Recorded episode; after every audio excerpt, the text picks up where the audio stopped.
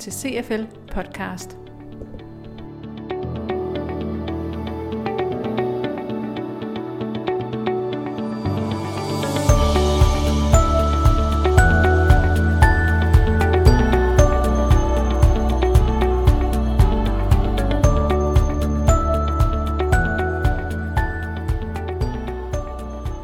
Purpose-drevet ledelse, det er jo en sjov størrelse, fordi der ligger mange forskellige niveauer af purpose-drevet ledelse. For mig der er purpose-drevet ledelse en sag mellem medarbejder, leder og virksomhed, altså i den træenighed.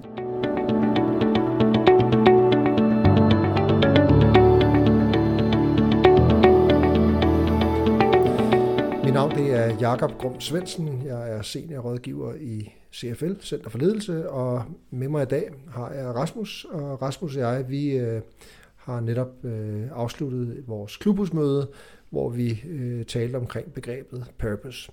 Og Rasmus, vil du starte med lige at fortælle lidt om, hvem du er?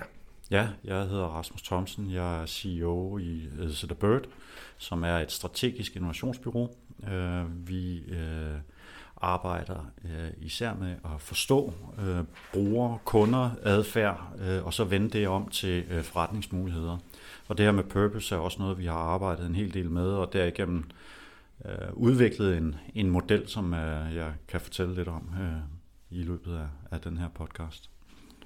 Altså i min verden, der er purpose jo øh, meget nært relateret til øh, hvem vi er som mennesker. Øh, at det så får for lidt taletid i for mange virksomheder, det handler måske om blufærdighed eller om manglende vilje til for alvor at komme ind i en, en mere nær og nogle gange lidt svær samtale, fordi at øh, purpose er så øh, svært øh, for mange mennesker at få greb om. Det er en af de store, øh, de tre store motivatorer, vi har sammen med øh, det at dygtiggøre os og det at have en grad af autonomi i vores arbejde, så er purpose, altså mening formål, jo en væsentlig del af vores virke. Det jeg lægger op til i forhold til ledelse øh, og purpose, det er i virkeligheden, at lederen tør at gå ind i den dialog, der kan opstå i i, i forlængelse af purpose, hvor man tager udgangspunkt i medarbejdernes purpose, tager udgangspunkt i sit eget purpose, og så linker det til virksomhedens purpose, og får skabt den øh, samtale og dialog. Ja, og, og det, det synes jeg jo lyder rigtig, rigtig fint. Derfra, hvor jeg kommer, der handler det nok mest om, om virksomhedens purpose, øh, men at virksomhedens purpose selvfølgelig skal øh, aligne sig øh, fuldstændig til øh, nogle af de andre ting, som du også talte om. Øh, for mig, der er, øh, at det at skabe det overordnede øh, virksomhedspurpose nok mit fokus. Øh, og der øh, er den måde, som jeg i hvert fald arbejder med det på, det er ligesom, at, at der er en lang række forskellige parametre, som skal, som skal ligesom spille sammen, skal harmonere. Og det er øh, en akse, som går på, øh, hvor det er virksomhedens fortid, om man så må sige, arven, den skal øh, kobles frem øh, i, i fremtiden til, hvad er det for et aftryk, vi gerne vil sætte på, på den verden, som, som omgiver os. Og så har vi så den anden akse, som handler om virksomhedens interne kultur, som skal kobles med øh, det, som vi gerne, øh, den værdi, vi gerne vil skabe for vores kunder øh, eller vores brugere, alt efter hvordan man taler om dem. Og, og derfor så, så er jeg sådan set fuldstændig enig i, at, at, at det du taler om, det handler jo i høj grad om det her med mennesker, øh, og de, øh, hvordan man lider øh, i, i, i den, i den, øh, i, i den øh, situation, om man så må sige. Ja, og hvis, hvis du lige for, øh, for dem, som ikke er helt så indvidet i det, som, som vi er her, skulle give et par gode eksempler på, hvor øh, du har øh, arbejdet med virksomhedens purpose og, og dermed har øh, været i, i kan man sige, øh, orkanens øje i forbindelse med det her. Hvad kunne du så give af eksempler? Øhm, jamen, jeg kan give øh, forskellige eksempler. Øh, nogle af dem er øh, nogle, jeg selv har været med til, øh, og nogle er, er noget, hvor der er måske mere sidder på sidelinjen, eller har været til at spille ind i forhold til at skabe øh, Øh, indsigter i de her forskellige felter, som jeg talte om før.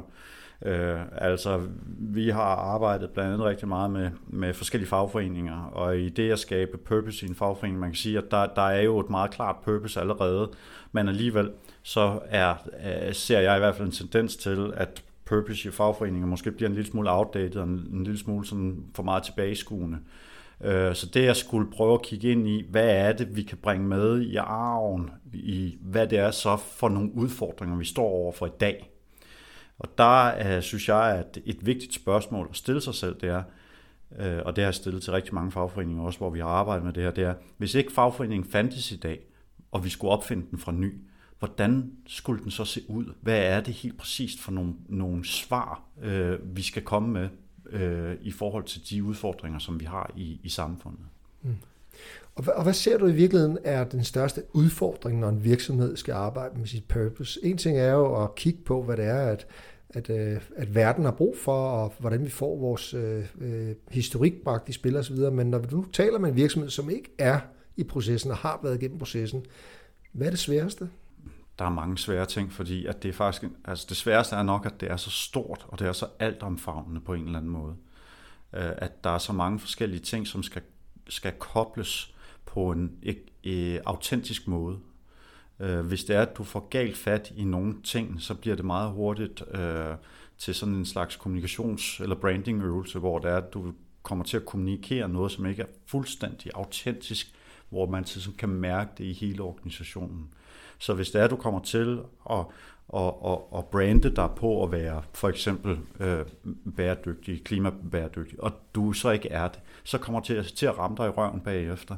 Så, så det der med at finde ind til der, hvor det er, du har, øh, hvor du virkelig kan tale fra et autentisk sted, det synes jeg er, er altså super svært, men jo også det, der ligesom skal til. Og så kommer jeg lige tilbage igen til de fire parametre. Det er ligesom at koble det der med at sige, hvad er vores arv? Hvad er det, vi gerne vil gøre i fremtiden? Det skal der være fuldstændig øh, en, en kobling imellem.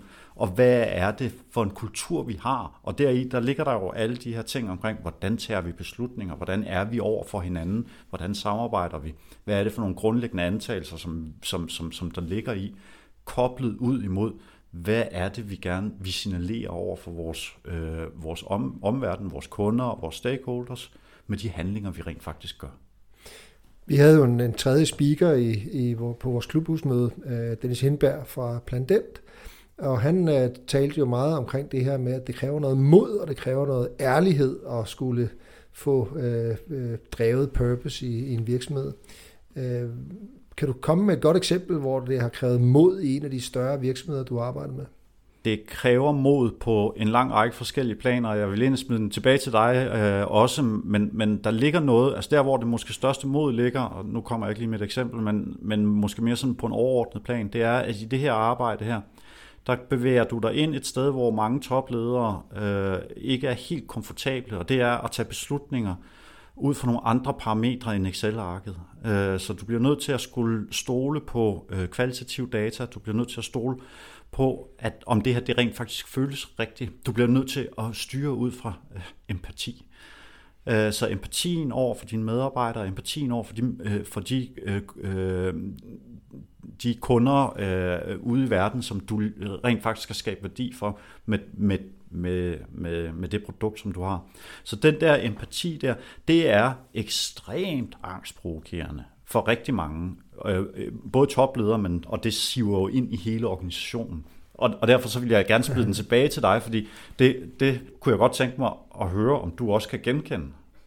Ja, det, det er der slet ikke nogen tvivl om. Nu, det, det eksempel, jeg fiskede efter, det var, det var Cabernacle og, ja. og Nike. Øh, og den øh, sin farvel til halvdelen af, af den amerikanske befolkning, havde jeg sagt, i forhold til dem, der i hvert fald var stor modstander af, af at han knælede til, til når øh, deres øh, nationalmelodi blev spillet.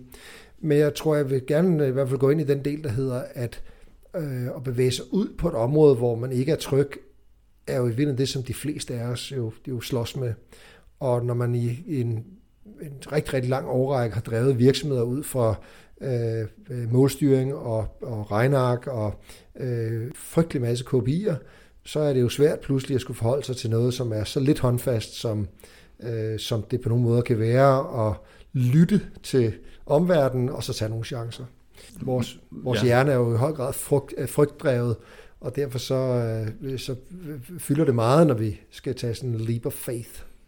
Ja, og, og, og deri, der ligger der jo også altså hele det der med, at når vi taler purpose, så er der, så kan vi, vi kan bryde ned i alle mulige øh, øh, undergrupper, som vi kan arbejde med metodisk selvfølgelig, men helt overordnet set, så handler purpose jo også om, om historiefortælling. Altså det er jo historiefortælling i forhold til, øh, hvad, hvad, hvad det er for nogle historier, vi fortæller hinanden internt i virksomheden, hvad det er for nogle historier, vi fortæller for vores arv, hvad er det for nogle historier, vi fortæller ud af i verden. Øh, og det der med at være en god historiefortæller, det er der selvfølgelig nogle topledere, der er virkelig gode til.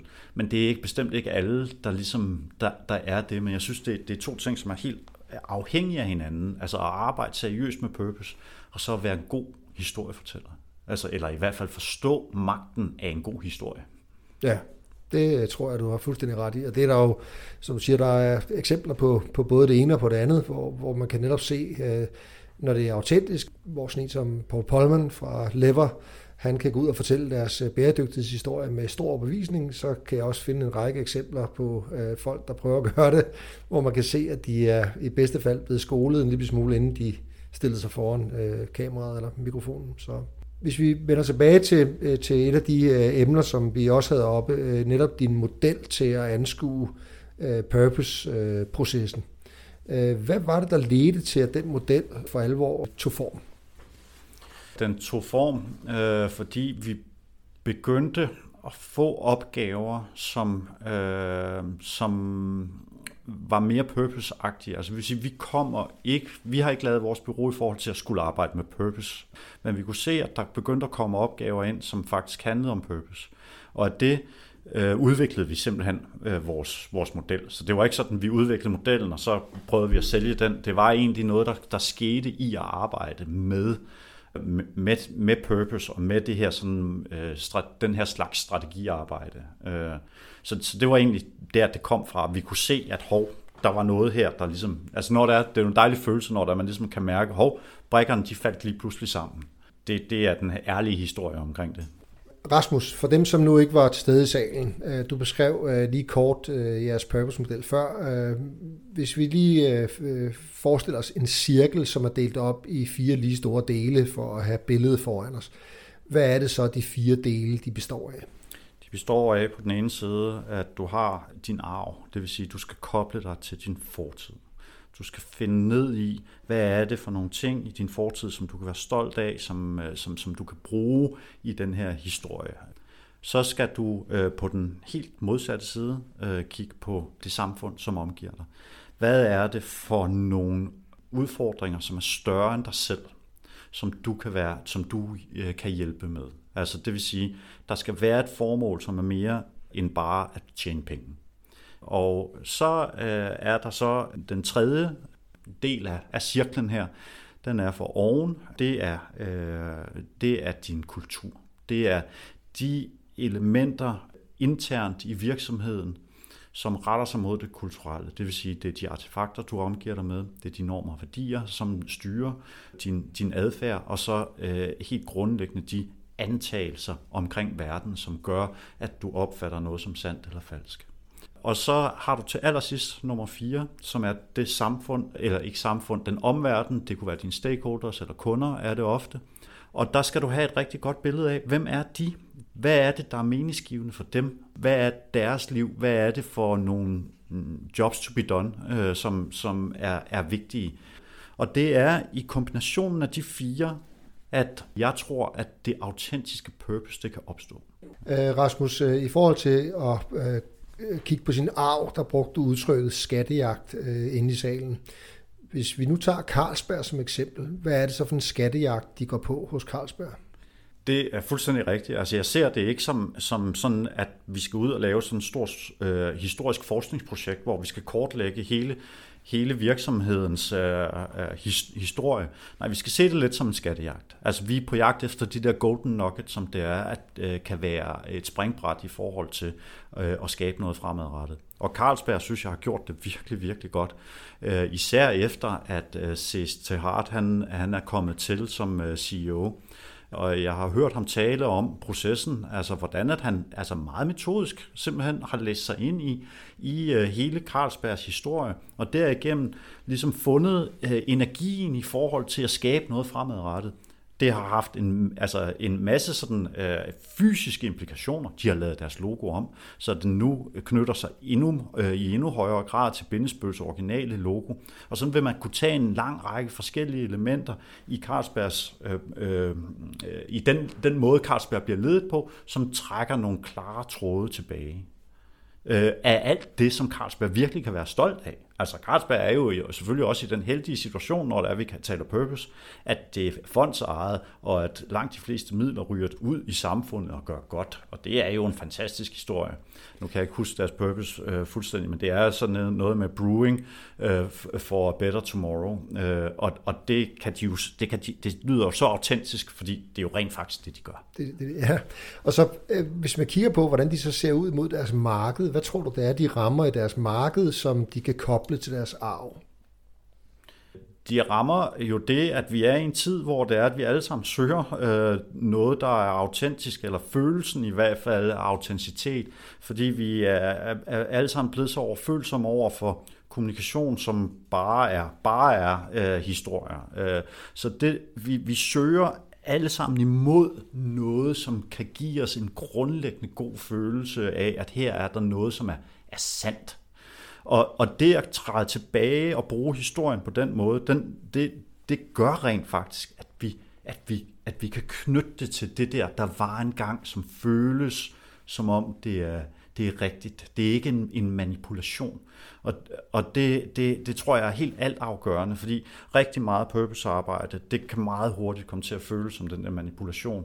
Øh, nu er der nogen, der bilder os noget ind. Nu har de skulle fundet på en historie omkring, hvem de er, øh, som, som, som skal føles godt derude. Men nej, Carlsberg, det, de er det rent faktisk. Et andet godt eksempel, synes jeg jo, øh, at, og det er jo deres nye hovedkvarter, som jeg synes for det første er en arkitektonisk perle, men samtidig også, at den knytter sig også til. Den er beklædt med kår. Og kover, det er jo det, som man bryggede øl i i gamle dage. Så det der med ligesom at, at hele tiden at have de der referencer, det synes jeg er super vigtigt. Og så kan man sige, hvis man går en tur ud i Carlsbergbyen, og det er faktisk værd at gøre, selvom det stadig er en byggeplads, så var jeg derude for nyligt, og når man går rundt og ser både historien omkring elefantporten og fundatsen og alt det, der står skrevet på bygningerne, så ser deres nye hovedkvarter, så er der en fin, fin ende, der bliver spundet den vej rundt. Det vil jeg give dig fuldstændig ret i. Ja, de har jo skabt en ekstra port også, øh, og det, det synes jeg også er fint. Altså, man havde, har jo øh, elefantporten, og du har øh, diplomporten, og nu har de så skabt en ny port, øh, som, som, som jeg synes jo er en, en, en fantastisk flot reference. Ja, hvor man kører ind igennem ja. Øh, øllen med skum og bobler og det hele. Det er, det er meget, meget fint lavet. Ja.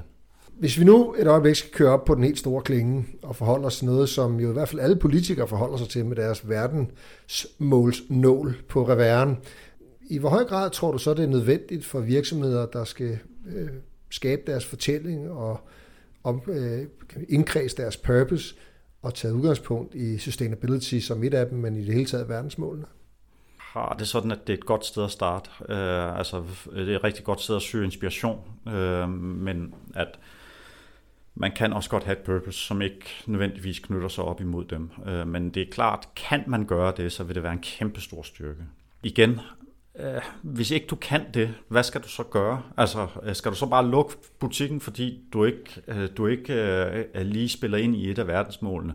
Eller at, at, at koblingen er så, øh, så langt ude, at, at, at det bliver uautentisk? Eller, det, det, det, det er jeg ikke nødvendigvis enig i. Altså man kan jo sagtens øh, have et purpose, som hedder og et eller andet med, vi vil øh, skabe øh, øh, bedre vilkår i en eller anden bestemt branche, eller vi vil, vi vil hjælpe folk inden for, med, med nogle meget konkrete problemer. Men det, jeg synes, der er det vigtige i det her, det er, at det skal være noget, som ligger uden for organisationen. Altså vi skal skabe, vi er til for ja, at tjene penge, det behøver vi ikke nødvendigvis at sige. Det ved alle folk godt. Men derudover, så skal vi være til for noget andet. Det vil sige, der er, i det mindste er der nogen andre, som skal føle, det er godt, de er her, fordi de gør noget godt for verden.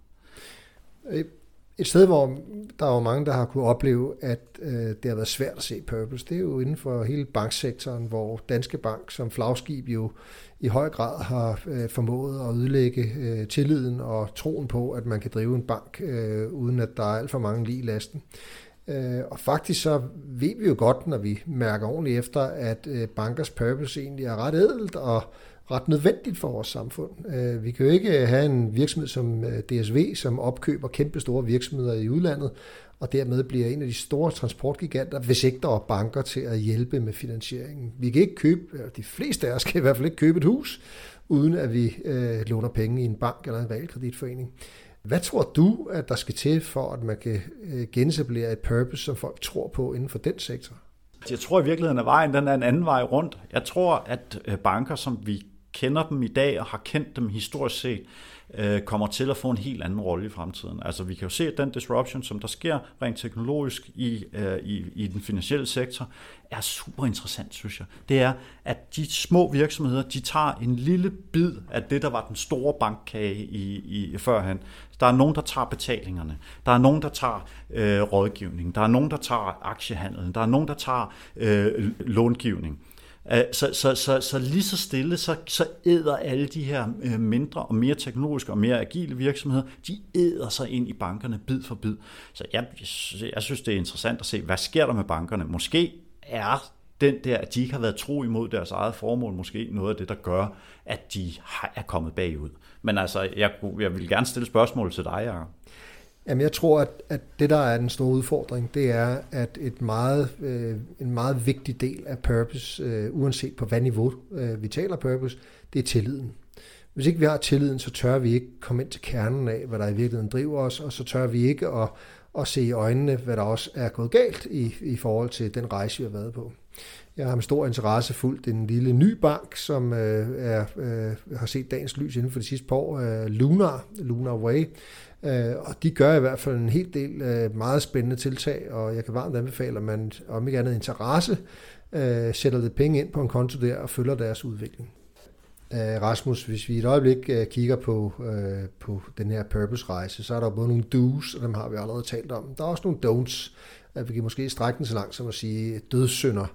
Er der noget, du kan komme i tanke om som værende absolut dødssynder i den her proces?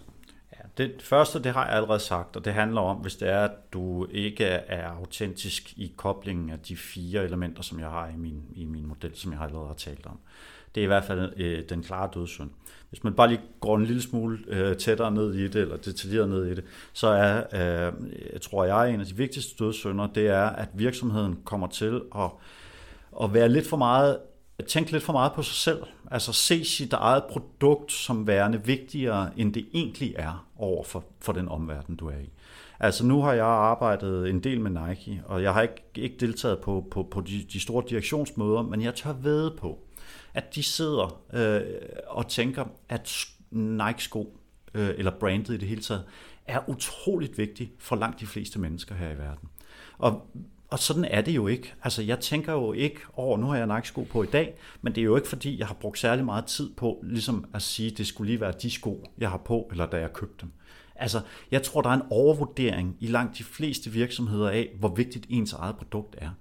Sandheden er jo, at hvis det er, der er ikke så mange virksomheder her i verden, vi ville ægte savne, hvis de ikke var der.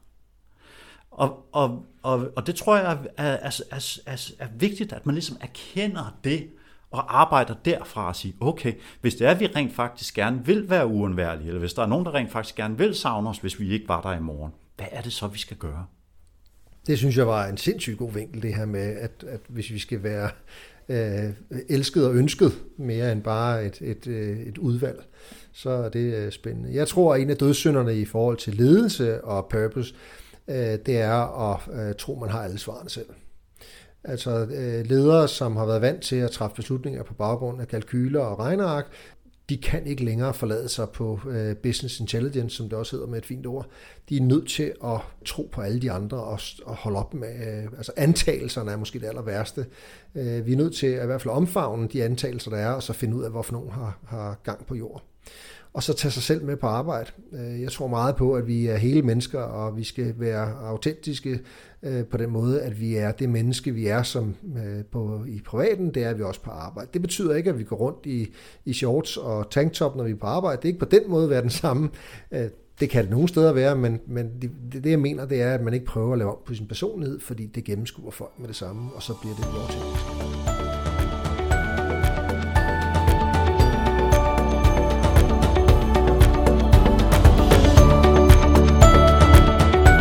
En øh, god afslutning på, på det her podcast, det synes jeg næsten vil være at komme med vores eget personlige purpose. Purpose, det er at øh, kontinuerligt øh, skabe det ledelsesrum, som jeg øh, slår på trummen for, og det er det ledelsesrum, hvor man sætter sig selv sidst og får organisationen til at fungere optimalt. Øh, Simon Sinek, som jeg er stor fan af, og det ved jeg også, at Rasmus er, øh, han siger det jo i sin bog, Why Officers Eat Last. Øh, det tror jeg skal være mit sidste ord.